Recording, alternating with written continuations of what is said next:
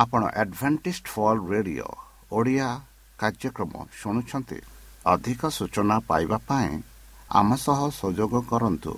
ଏକ ଆଠ ଶୂନ୍ୟ ଶୂନ୍ୟ ଆଠ ତିନି ତିନି ଦୁଇ ଦୁଇ ତିନି ଏକ କିମ୍ବା Bible at the rate of A W R dot O R G ଏହା Adventist World Radio Voice of Hope ଜୀବନଧାରା।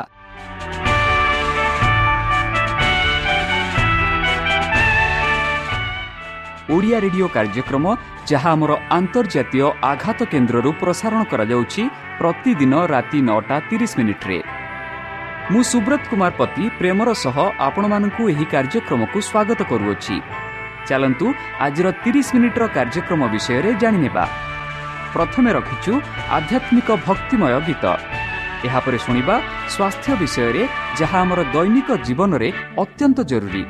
ଆଉ ପରିଶେଷରେ ଶୁଣିବା ପରମେଶ୍ୱରଙ୍କ ଭକ୍ତଙ୍କଠାରୁ ଜୀବନଦାୟକ ଈଶ୍ୱରଙ୍କ ବାକ୍ୟ। ପ୍ରିୟ ଶ୍ରୋତା ତାହେଲେ ଚାଲନ୍ତୁ ଶୁଣିବା ଏକ ଆଧ୍ୟାତ୍ମିକ ଭକ୍ତିମୟ ଗୀତ। ତାହାଙ୍କର ମହାନତା ଓ ତାଙ୍କ ପ୍ରେମ ସକାଶୁ ମୁଁ ପ୍ରତିଦିନ ତାଙ୍କର ଗୁଣ କୀର୍ତ୍ତନ କରିବି। ସଦା ପ୍ରଭୁ ସ୍ନେହଶୀଳ ଓ କୃପାମୟ। ପୁଣି ସତ୍ୟ ଭାବରେ ଡାକୁଥିବା ପ୍ରତ୍ୟେକଙ୍କ ନିକଟରେ ସେ ରହିଥାନ୍ତି।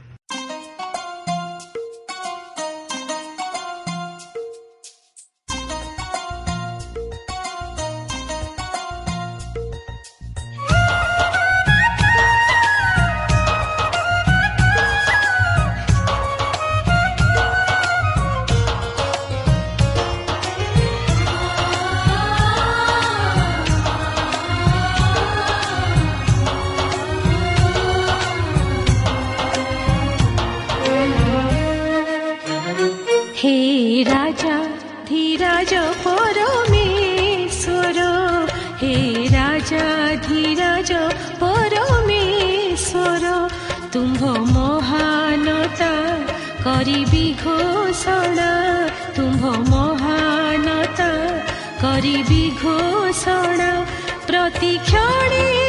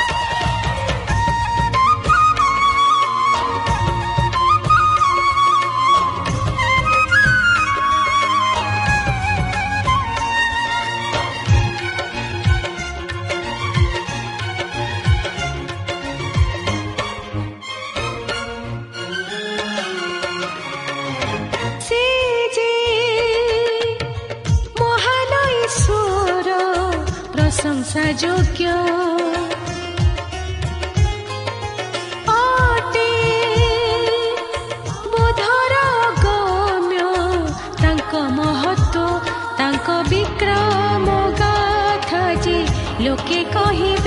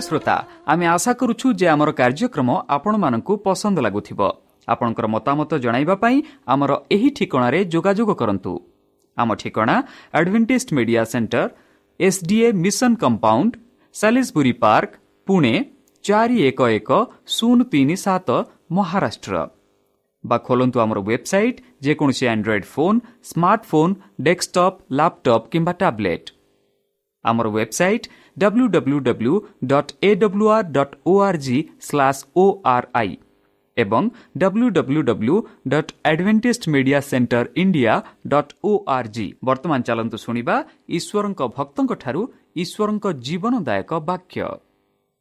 ତୁମ୍ଭର ପାପ ସ୍ୱୀକାର କର। ନମସ୍କାର ପ୍ରିୟ ଶ୍ରୋତା। ସେହି ସର୍ବଶକ୍ତି ସର୍ବଜ୍ଞାନୀ ପ୍ରେମର ସାଗର ଦୟାମୟ ଅନ୍ତର୍ଜମୀ ଅନୁଗ୍ରହ ପରମ ପିତାଙ୍କ ମଧୁର ନାମରେ ମୁଁ ପାଷ୍ଟ ପୂର୍ଣ୍ଣଚନ୍ଦ୍ର। ଆଉ ଥରେ ଆପଣମାନଙ୍କୁ ଏହି କାର୍ଯ୍ୟକ୍ରମରେ ସ୍ୱାଗତ କରୁଅଛି। ସେହି ସର୍ବଶକ୍ତି ପରମେଶ୍ୱର ଆପଣମାନଙ୍କୁ ସୁରକ୍ଷାରେ ରଖନ୍ତୁ। ତାହାଙ୍କ ପ୍ରେମ ତାହାଙ୍କ ସ୍ନେହ ତାହାଙ୍କ କୃପା ତାହାଙ୍କ ଅନୁଗ୍ରହ ସଦା ସର୍ବଦା ଆପଣଙ୍କଠାରେ ସହବର୍ତ୍ତୀ ରହୁ। ପ୍ରିୟସତା ଚାଲନ୍ତୁ ଆଜି ଆମ୍ଭେମାନେ କିଛି ସମୟ ପବିତ୍ର ଶାସ୍ତ୍ର ବାଇବଲଠୁ ତାହାଙ୍କ ଜୀବନଦାୟକ ବାକ୍ୟ ଧ୍ୟାନ କରିବା। ଆଜିର ଆଲୋଚନା ହେଉଛି ତୁମ୍ଭର ପାପ ସ୍ୱୀକାର କର। ବନ୍ଧୁ ଯେପରିକି କେତେ ଦିନ ଧରି ଆମେ ପାପ ସ୍ୱୀକାର ଅନୁତାପ ବିଷୟରେ ଆଲୋଚନା କରୁଅଛୁ ପାପ ଏମିତି ଗୋଟିଏ ଜିନିଷ ଯାହାକି ମନୁଷ୍ୟକୁ ପରମେଶ୍ୱରଙ୍କ ଠାରୁ ଦୂରେଇ ନେଇଥାଏ। ପାପ ଏମିତି ଜିନିଷ ଯାହାକି ଶୈତାନ ଆଡ଼କୁ କଡ଼ାଇ ନେଇଥାଏ।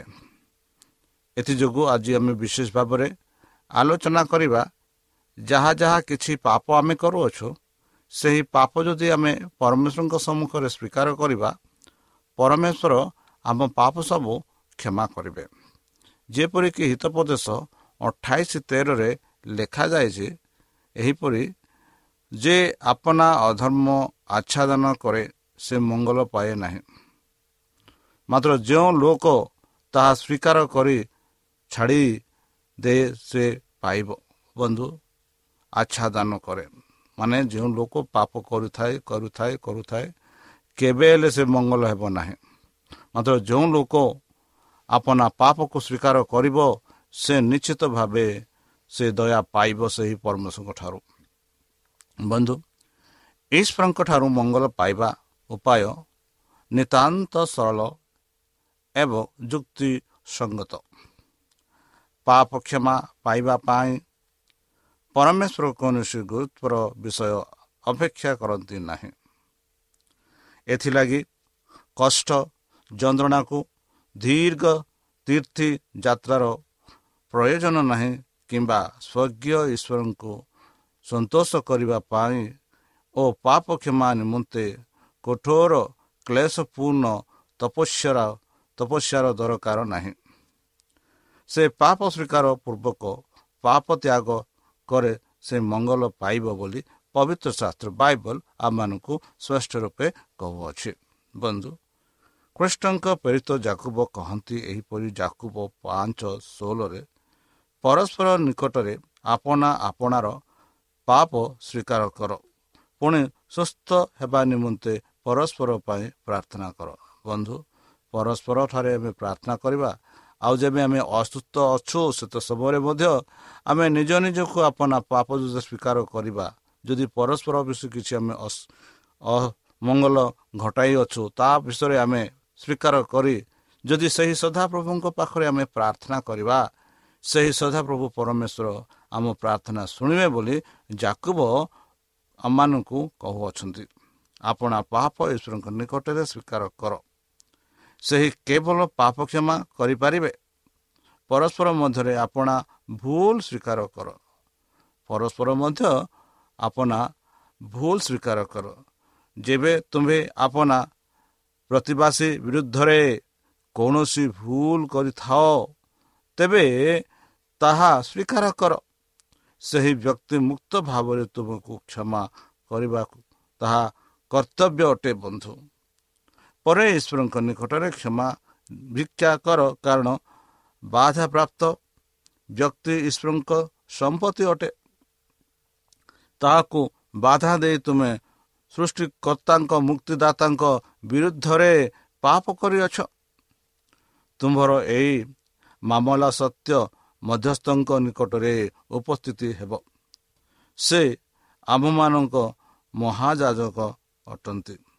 କାରଣ ସେ ଆମମାନଙ୍କର ଦୁର୍ବଳତାରେ ଆମମାନଙ୍କର ପ୍ରତି ସହନାଭୂତି ଦେଖାଇବାକୁ ଅସମର୍ଥ।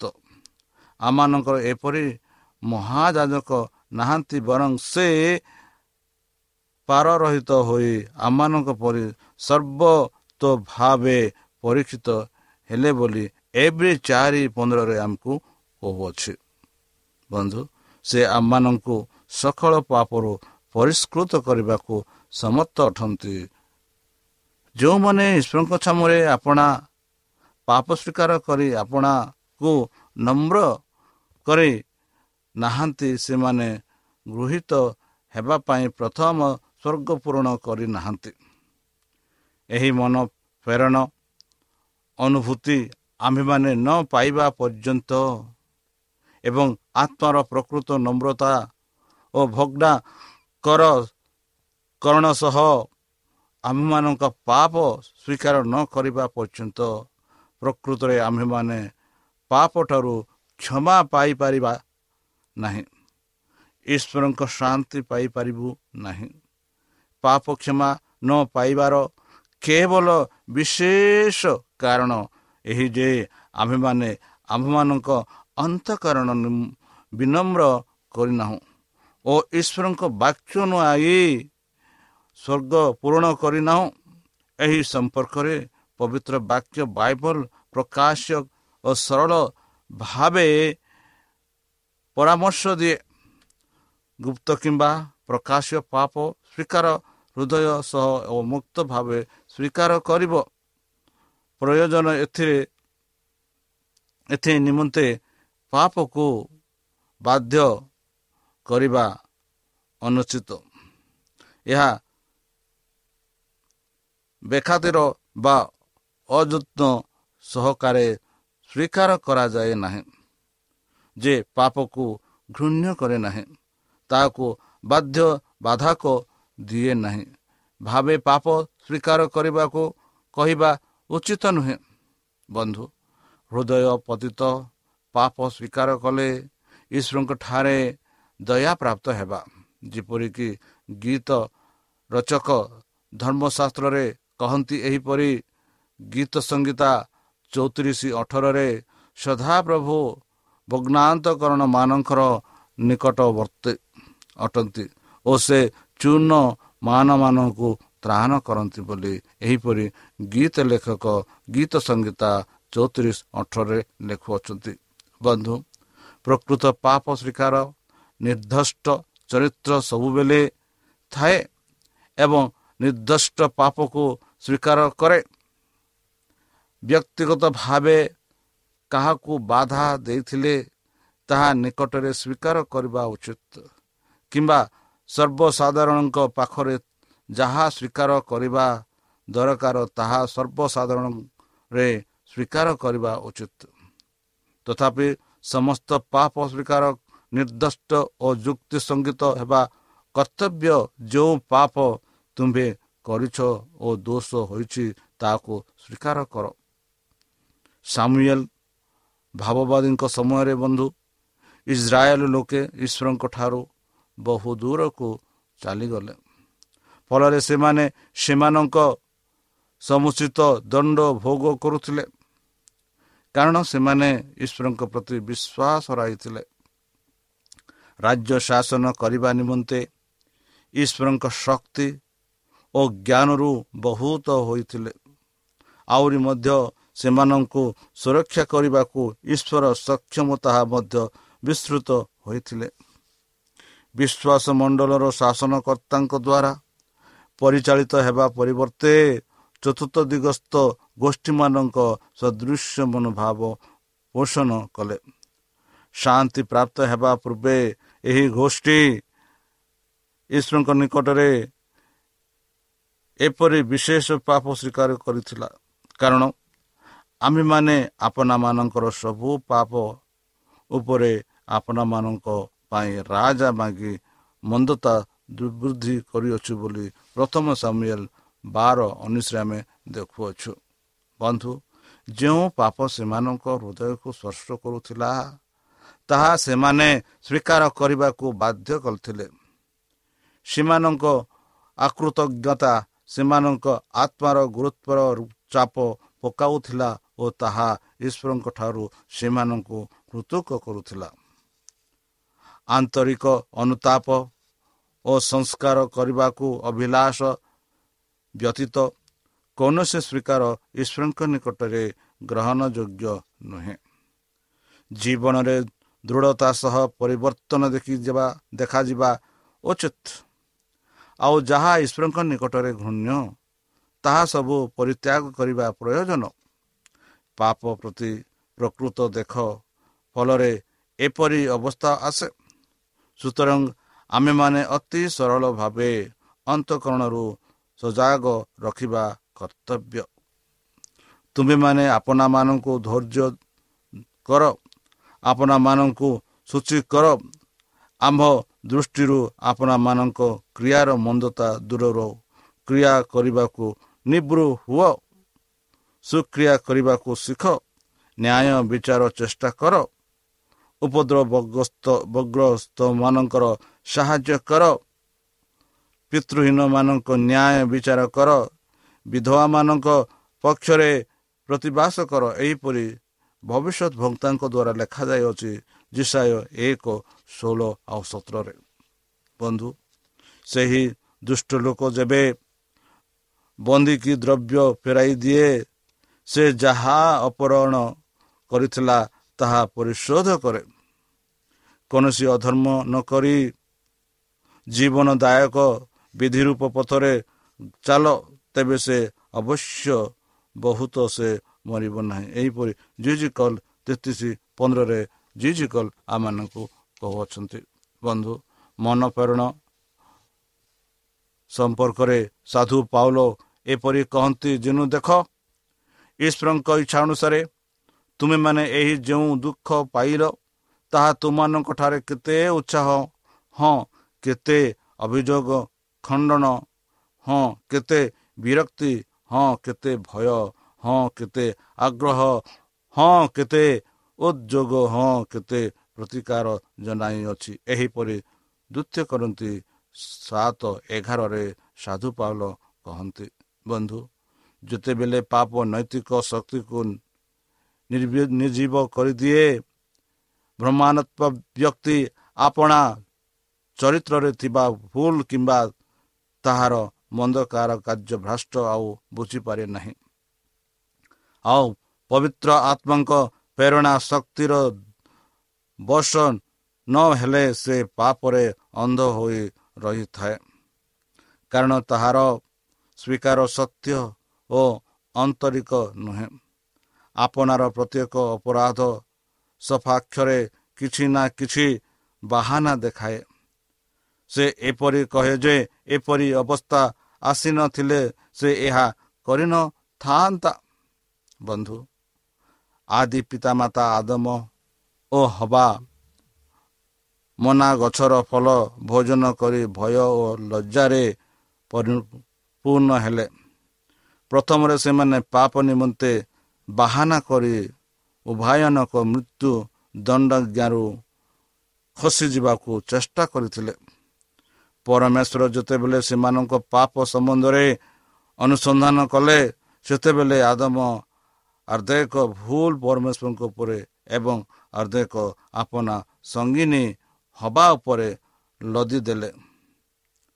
ଆଦମ କହିଲେ ତୁମେ ଯେଉଁ ସ୍ତ୍ରୀ କି ମୋହର ସଙ୍ଗିନୀ ହେବାକୁ ଦେଇଅଛ ସେ ମୋତେ ସେହି ବୃକ୍ଷର ଫଳ ଦେଲେ ତହିଁରେ ମୁଁ ଖାଇଲି। ସେତେବେଳେ ସଦାପ୍ରଭୁ ପରମେଶ୍ୱର ନାରୀଙ୍କୁ କହିଲେ ଏ କି କଲ? ନାରୀ କହିଲେ ସର୍ପ ମୋତେ ବୁଲାଇଲା ତହିଁରେ ମୁଁ ଖାଇଲି। ପଢ଼ନ୍ତୁ ଆଦି ପୁସ୍ତକ ତିନି ବା ଟୁ ତେର। ନାରୀ ଏହି ପ୍ରକାର ବନ୍ଧୁ ସର୍ପ ଉପରେ ଦୋଷାରୋପ କଲା। ସର୍ପକୁ ତୁମ୍ଭେ କାହିଁକି ସୃଷ୍ଟି କଲ? ତାହାକୁ କାହିଁକି ଏ ଦୁନିଆକୁ ଆସିବାକୁ ଅନୁମତି ଦେଲ। ଏ ସମସ୍ତ ତାହାର ପାପ ନିମନ୍ତେ ବାହାନା ଥିଲା।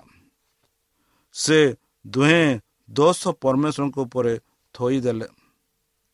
ଏପରି ଆତ୍ମା ଧାର୍ମିକତା ସ୍ୱଭାବ ମିଥ୍ୟାର ଉପାଦାକ ସୟତାନ ଠାରୁ ଅଟେ। ସୁତରାଂ ଆଦମଙ୍କ ସବୁ ସନ୍ତାନ ସନ୍ତତିମାନଙ୍କ ଠାରେ ଏପରି ସ୍ୱଭାବ ଦେଖାଯାଏ ଆଜି ଯାଏ ଏହି ପ୍ରକାର ସ୍ୱୀକାର ପରମେଶ୍ୱରଙ୍କ ଆତ୍ମାଙ୍କ ଠାରୁ ଜାତ ନୁହେଁ ଓ ପରମେଶ୍ୱର ତାହା ଗ୍ରହଣ କରନ୍ତି ନାହିଁ।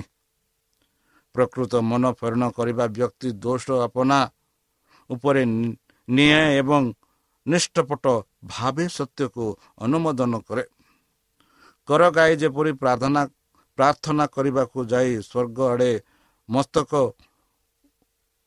ଉଲ୍ଲଜନ କରିବାକୁ ସାହସ କରିନଥା କରି ପ୍ରାର୍ଥନା କରିଥିଲା ତାହା ସଦୃଶ ସେ କହିବେ ହେ ପରମେଶ୍ୱର ମୁଁ ପାପି। ମୋତେ ଦୟାକର ଆଉ ଯେଉଁ ମାନେ ଦୋଷ ସ୍ୱୀକାର କରନ୍ତି ସେମାନଙ୍କ ଅପରାଧ। କ୍ଷମା କରାଯିବ କାରଣ ମନ ଫେରାଇବା ଅପରାଧ ପକ୍ଷରେ ଯୀଶୁ କ୍ଷମା ଭିକ୍ଷା କରନ୍ତି। ବନ୍ଧୁ ପରମେଶ୍ୱରଙ୍କ ବାକ୍ୟ ବାଇବଲରେ ସତ୍ୟ ଅନୁତାପ ଓ ମନ ପ୍ରେରଣର ଓ ନମ୍ରତାର ଦୃଷ୍ଟାନ୍ତ ପ୍ରକାଶିତ ହୋଇଅଛି। ଯେ ସତ୍ୟ ମନୋପରଣରେ ଦୋଷ ନିମନ୍ତେ କୌଣସି ବାହାନା ନଥାଏ କିମ୍ବା ଆଧ୍ୟାତ୍ମିକ ଆତ୍ମୀଧର୍ମିକତାକୁ ବଜାୟ ରଖିବାକୁ ଚେଷ୍ଟା ହିଁ ନଥାଏ। ସାଧୁ ପାଉଲ ଆପଣାକୁ ଏହି ପ୍ରକାରେ ସୁରକ୍ଷା କରିନଥିଲେ ସେ ଆପଣା ଦୋଷକୁ ଅତ୍ୟନ୍ତ କଲା ଦାଗ ପରି ବର୍ଣ୍ଣନା କରନ୍ତି।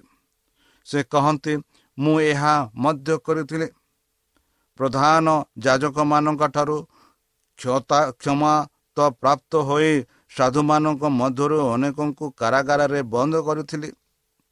ପୁଣି ସେମାନଙ୍କ ପ୍ରାଣଦଣ୍ଡ ସମୟରେ ମୁଁ ମଧ୍ୟ ସେମାନଙ୍କ ବିରୁଦ୍ଧରେ ମୋର ମତ ଦେଇଥିଲି।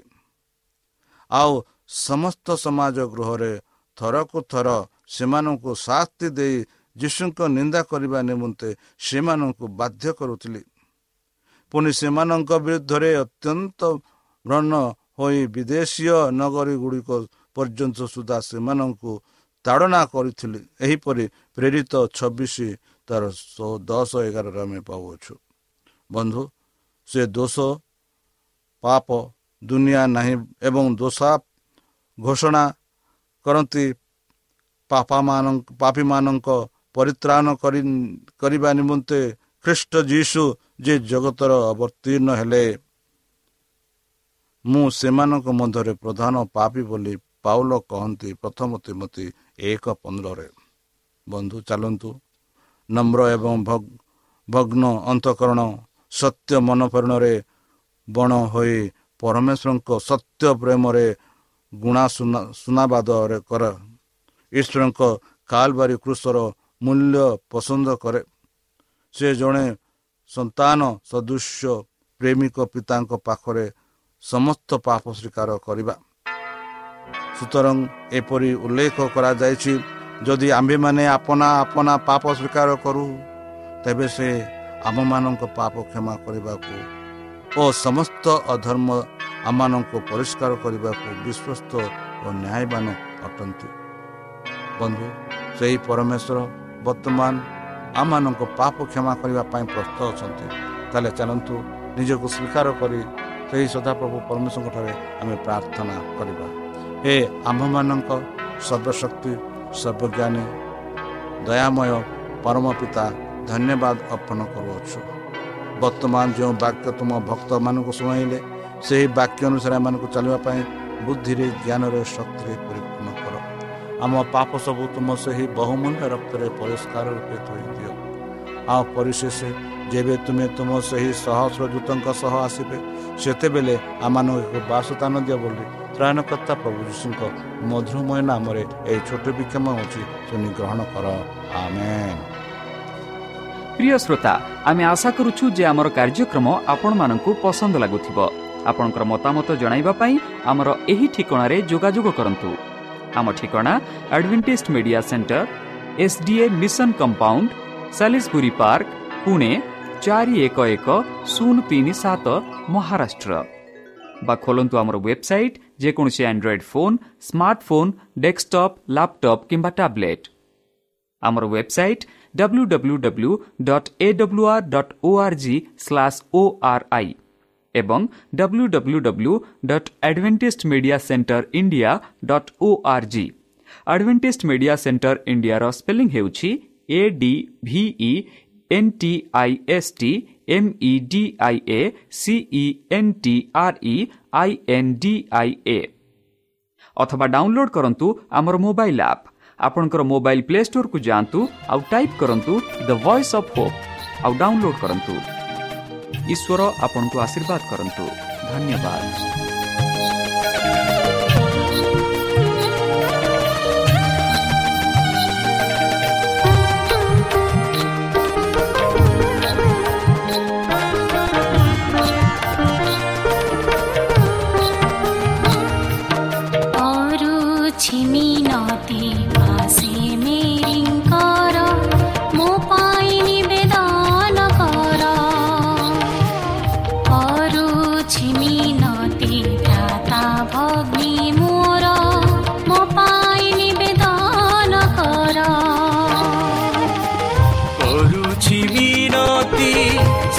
ସାଧୀଙ୍କୁ କରୁଛି ମିନତି ସାଧୁ ସାଧୀଙ୍କୁ କ୍ଷମା ମାଗିବାକୁ ପ୍ରଭୁଙ୍କର କ୍ଷମା ମାଗିବାକୁ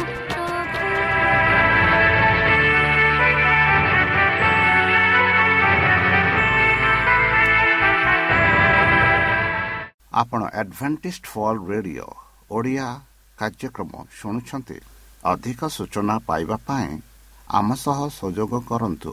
ଏକ ଆଠ ଶୂନ୍ୟ ଶୂନ୍ୟ ଆଠ ତିନି ତିନି ଦୁଇ ଦୁଇ ତିନି ଏକ କିମ୍ବା bible at the rate of A W R dot O R G